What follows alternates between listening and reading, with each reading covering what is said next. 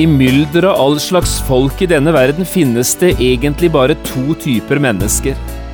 Det ene slaget er de som følger den korsfestede og oppstandende Jesus. Kanskje kunne vi kalle dem venner av Kristi kors. Det andre slaget er de som ikke vil ha noe med Jesus å gjøre. I Bibelen kalles disse menneskene fiender av Kristi kors. I hvilken av disse to flokkene hører du til, du som lytter nå?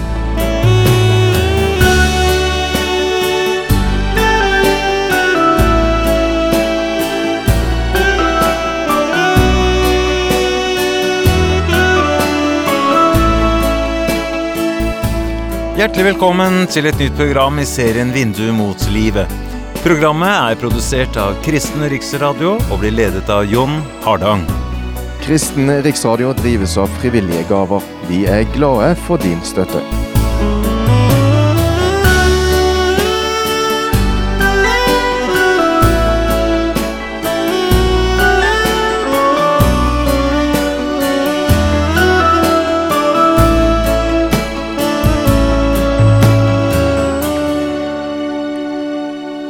Vi skal fortsette å lese sammen fra Filipperbrevet, i denne programserien som er kalt Gled deg. Vi prøver å løfte fram hovedtanken i dette brevet ved å lese det gjennom vers for vers. Vi er nå kommet fram til den siste delen av kapittel tre her i Filipperbrevet, og skal lese versene 17 til 21. Jeg har kalt dagens program Fiender av Kristi kors. Paulus skriver, Brødre, vær mine etterfølgere, og akt på dem som vandrer etter det forbildet dere har i oss. For som jeg ofte har sagt dere, og nå igjen sier med tårer, mange vandrer som fiender av Kristi kors. De ender i fortapelsen, deres Gud er buken, og de setter sin ære i sin skam. De trakter bare etter jordiske ting. Men vi har vårt hjemland i himmelen. Derfra venter vi også Herren Jesus Kristus som frelser. Han skal forvandle vårt fornedringslegeme og gjøre det likt med sitt herlighetslegeme, ved den kraft han har til også å legge alle ting under seg.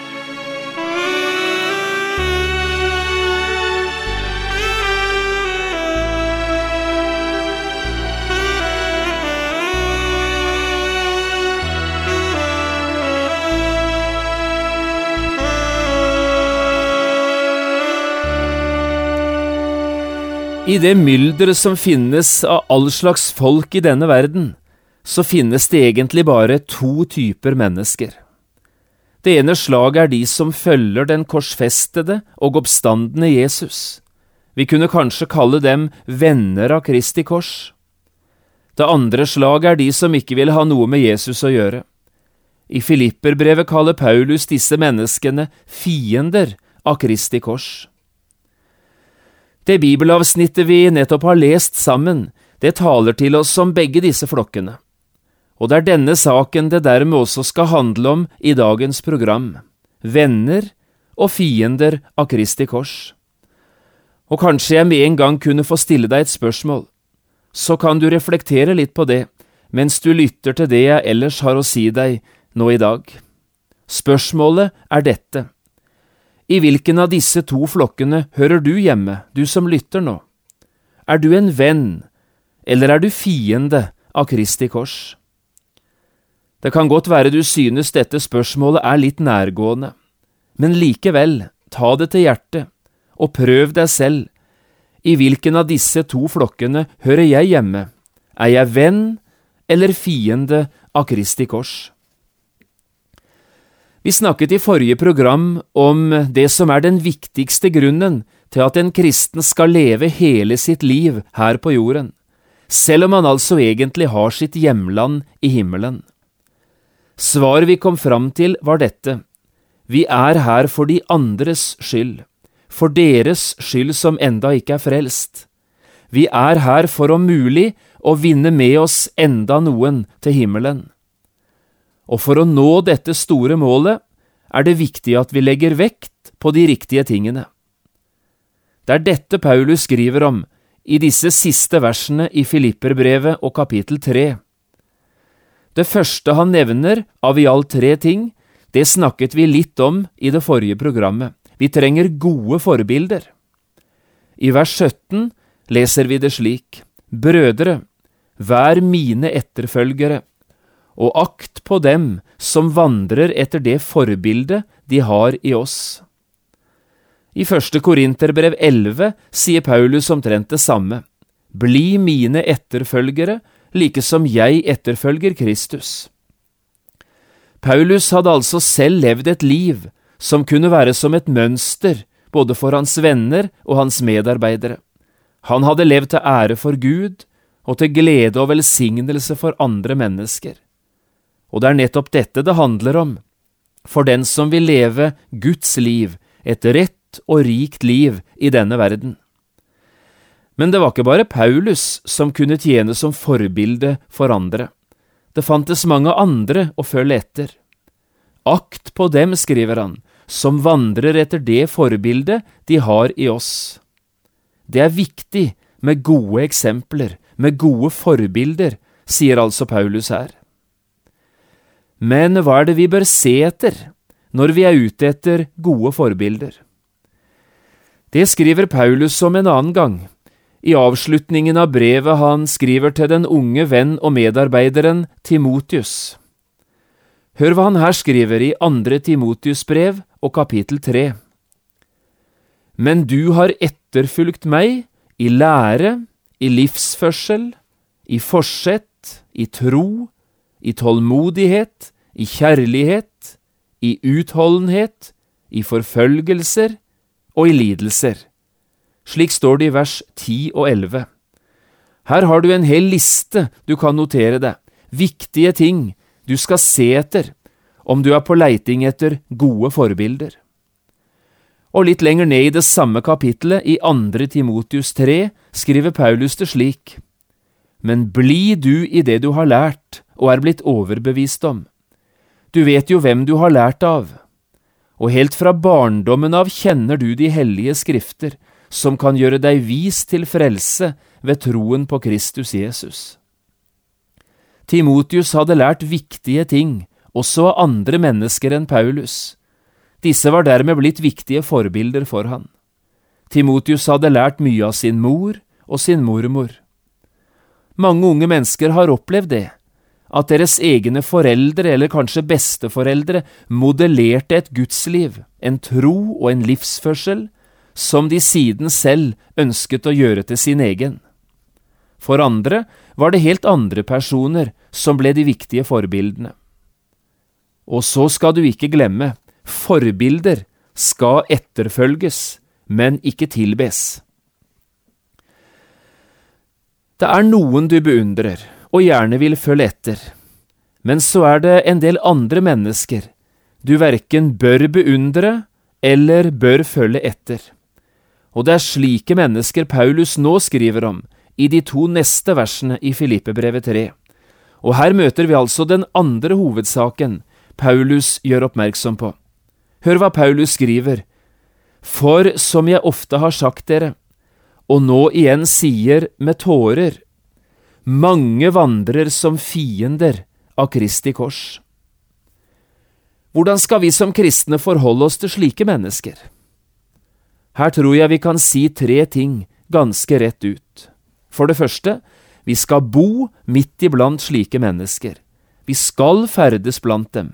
Vi skal ikke isolere oss, ikke sky dem, men vi skal elske dem. For det andre, vi skal ikke lære av dem, og ikke ta etter deres tankegang og livsførsel. Det er ikke disse som skal være våre forbilder. Men for det tredje, vi skal forsøke å vinne dem for Gud. Det er for deres skyld vi selv er her i verden. Vi er her for at de må bli frelst. Jeg syns det er ganske sterkt å lese her hvordan Paulus selv har det med tanke på disse som han nå kaller fiender av Kristi kors. Det er sikkert noen som syns Paulus er hard når han bruker så sterke ord fiender av Kristi kors. Men ser vi nøye etter i det Paulus her skriver, oppdager vi noe helt annet enn hardhet og arroganse. Som jeg ofte har sagt dere, skriver han, og nå igjen sier med tårer, mange vandrer som fiender av Kristi kors. De er mange, sier Paulus. Dette gjelder ikke noen få, men mange. Og så er de fiender av Kristi kors. Ordet om korset er jo menneskenes eneste redning, men disse har snudd ryggen til, de bryr seg ikke. Jeg tror knapt de vet, sier Paulus, hva det er de sier nei til. Og så vandrer de som fiender av Kristi kors. Dette styrer hele deres tankegang, og det preger alt i deres livsførsel, fiender av Kristi kors. Slik vandrer de. Og så blir Paulus ganske personlig. Jeg har ofte snakket om slike mennesker, sier han. De angår meg.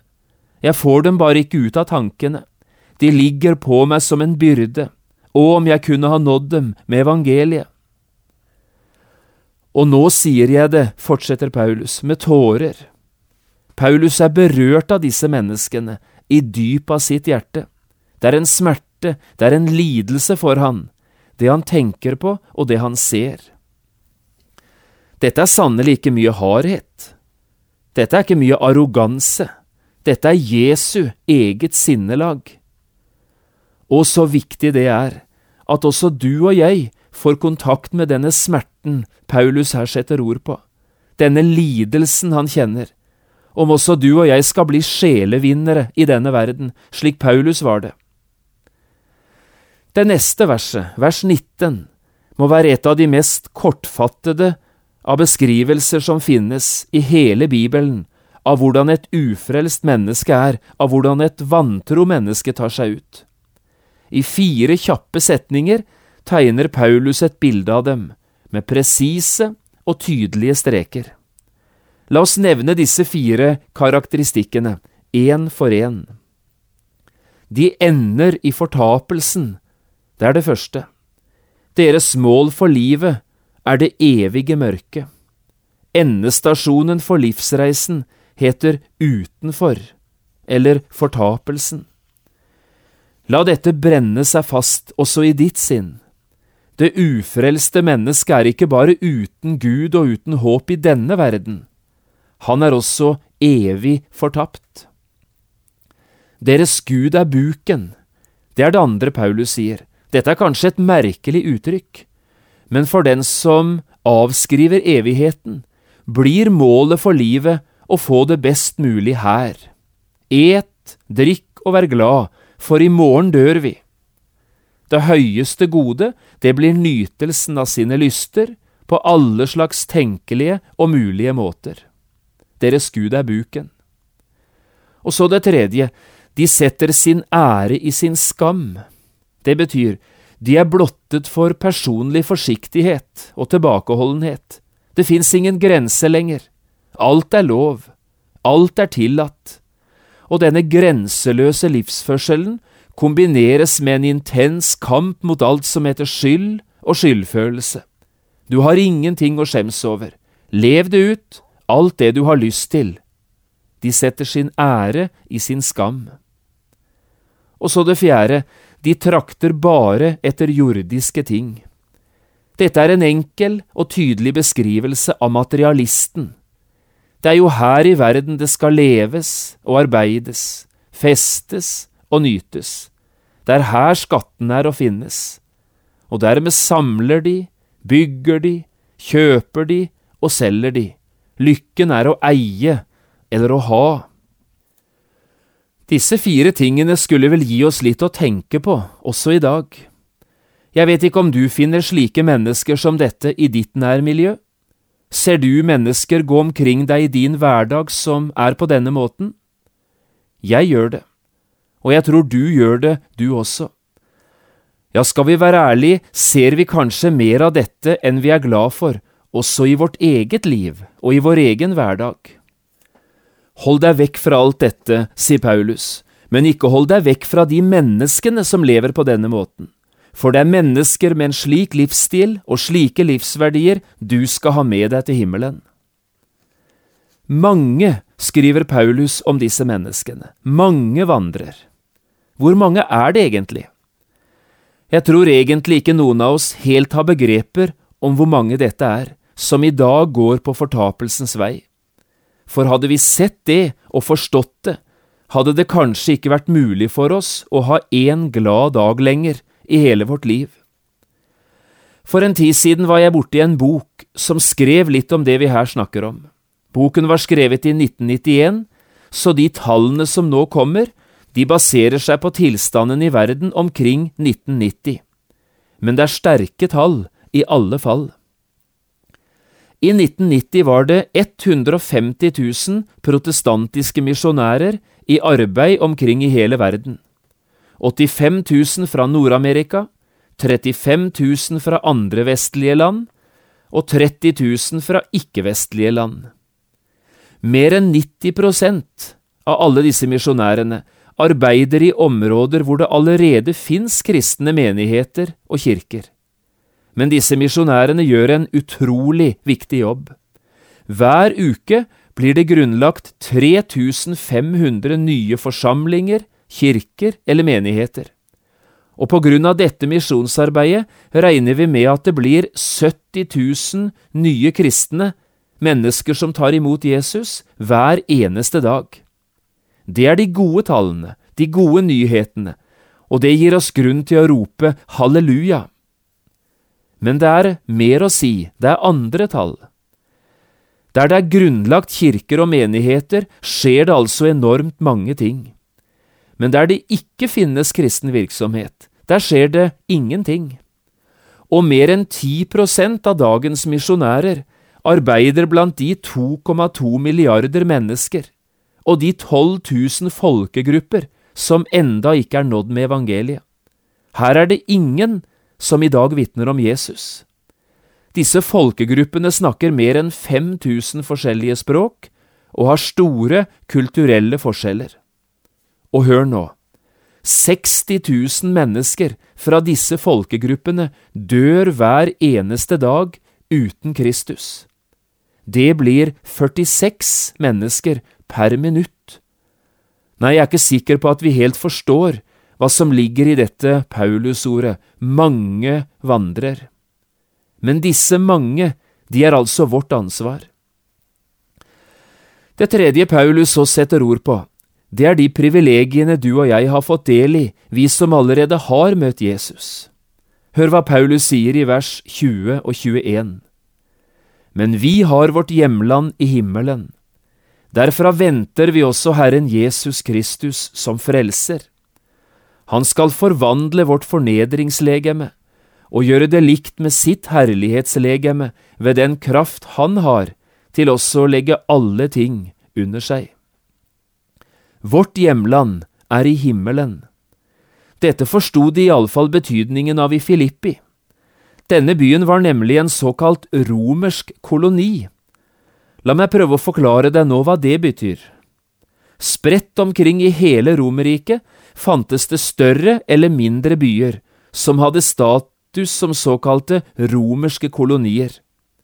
I disse byene bodde forskjellige slags mennesker, ikke minst en masse romerske soldater som hadde avsluttet sine 21 år i den romerske hæren. Disse romerske koloniene hadde status som et lite stykke Roma, med de samme rettighetene, kjennetegnene og privilegiene som folket i hovedstaden hadde. Folk gikk i romerske klær, det var romerske guvernører som styrte byen, det latinske språket ble brukt, det var den romerske retten som gjaldt helt og fullt, og byene, koloniene, var preget av romersk livsstil og levemåte. Og så skriver altså Paulus her, til en kristen menighet i en slik romersk koloni, Vårt hjemland er i himmelen.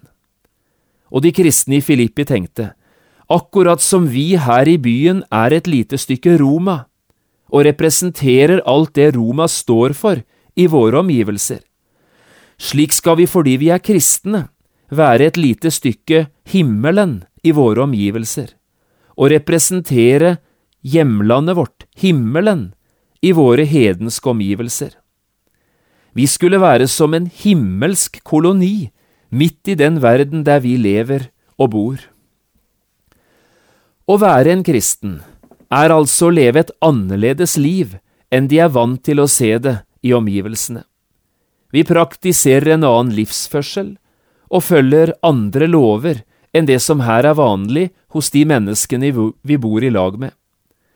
Og nettopp denne annerledesheten er kanskje vår største mulighet som kristne når det gjelder å få flere med oss på himmelveien. Vår annerledeshet kan være som en magnet som virker på omgivelsene. Kristne mennesker skulle øve tiltrekningskraft på sine omgivelser, nettopp fordi han er et annerledes menneske. Jeg tror ikke det største problemet for oss som kristne i dag er at vi er altfor himmelvendte i vårt hverdagsliv. Jeg tror faktisk problemet er det motsatte. Vi er blitt for verdensvante og altfor lite bærere av et himmelsk liv og av himmelske verdier. Hvorfor skulle et fortapt og fortvilt menneske søke hjelp hos noen som ser akkurat lik ut som det han selv gjør, og ikke syns å skille seg noe ut eller å ha noe som de selv vet de mangler? Den store hemmeligheten med Jesus, det var jo ikke at han var fullstendig lik alle andre. Det var det at han skilte seg ut. Han var annerledes, og dette trakk menneskene til Jesus. Jeg tror det er dette det handler om, også for oss som vil være kristne i dag. Vær et annerledes og himmelvendt menneske. Det er et flott avsnitt Paulus avslutter dette tredje kapittelet i Filipperbrevet med. Her løfter han fram det kristne håpet i tre flotte satser. Vårt hjemland er i himmelen, skriver han. Her i verden er vi som pilegrimer, på gjennomreise og på tjenestereise. Vår forventning, sier han videre, er knyttet til Jesu gjenkomst. Vi venter på Jesus, han som en dag skal komme igjen og hente alle sine hjem til himmelen. Og hvis ikke døden innhenter oss før Jesus kommer, skal vi som lever få oppleve dette gjenkomstens og gjenforeningens vidunderlige øyeblikk. Og så det tredje, den dagen skal vi få en ny kropp, et nytt legeme, der synd og sykdom, smerte og forgjengelighet aldri mer skal gjøre seg gjeldende. Vi skal få en ny kropp, et nytt legeme, lik det Jesus fikk etter sin oppstandelse. For et håp dette er, for en framtid vi har som kristne, vi som har fått møte Jesus. Sannelig er det viktig at vi gjør det vi er satt til å gjøre, den korte tid vi skal være her i verden. Prøv å få enda noen med deg hjem til himmelen. Prøv å bruke livet ditt slik at du vinner enda noen for Jesus.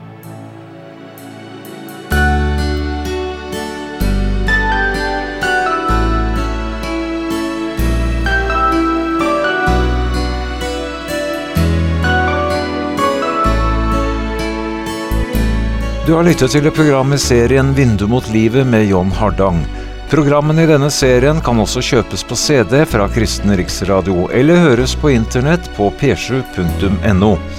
Har du spørsmål eller kommentarer til det du nå har hørt, kan du ta kontakt med oss. Adressen er Kristen Riksradio, Skiene 2, 5353 Straume, eller send en e-post vml alfakrøll p7.no. Takk for i dag, og på gjenhør.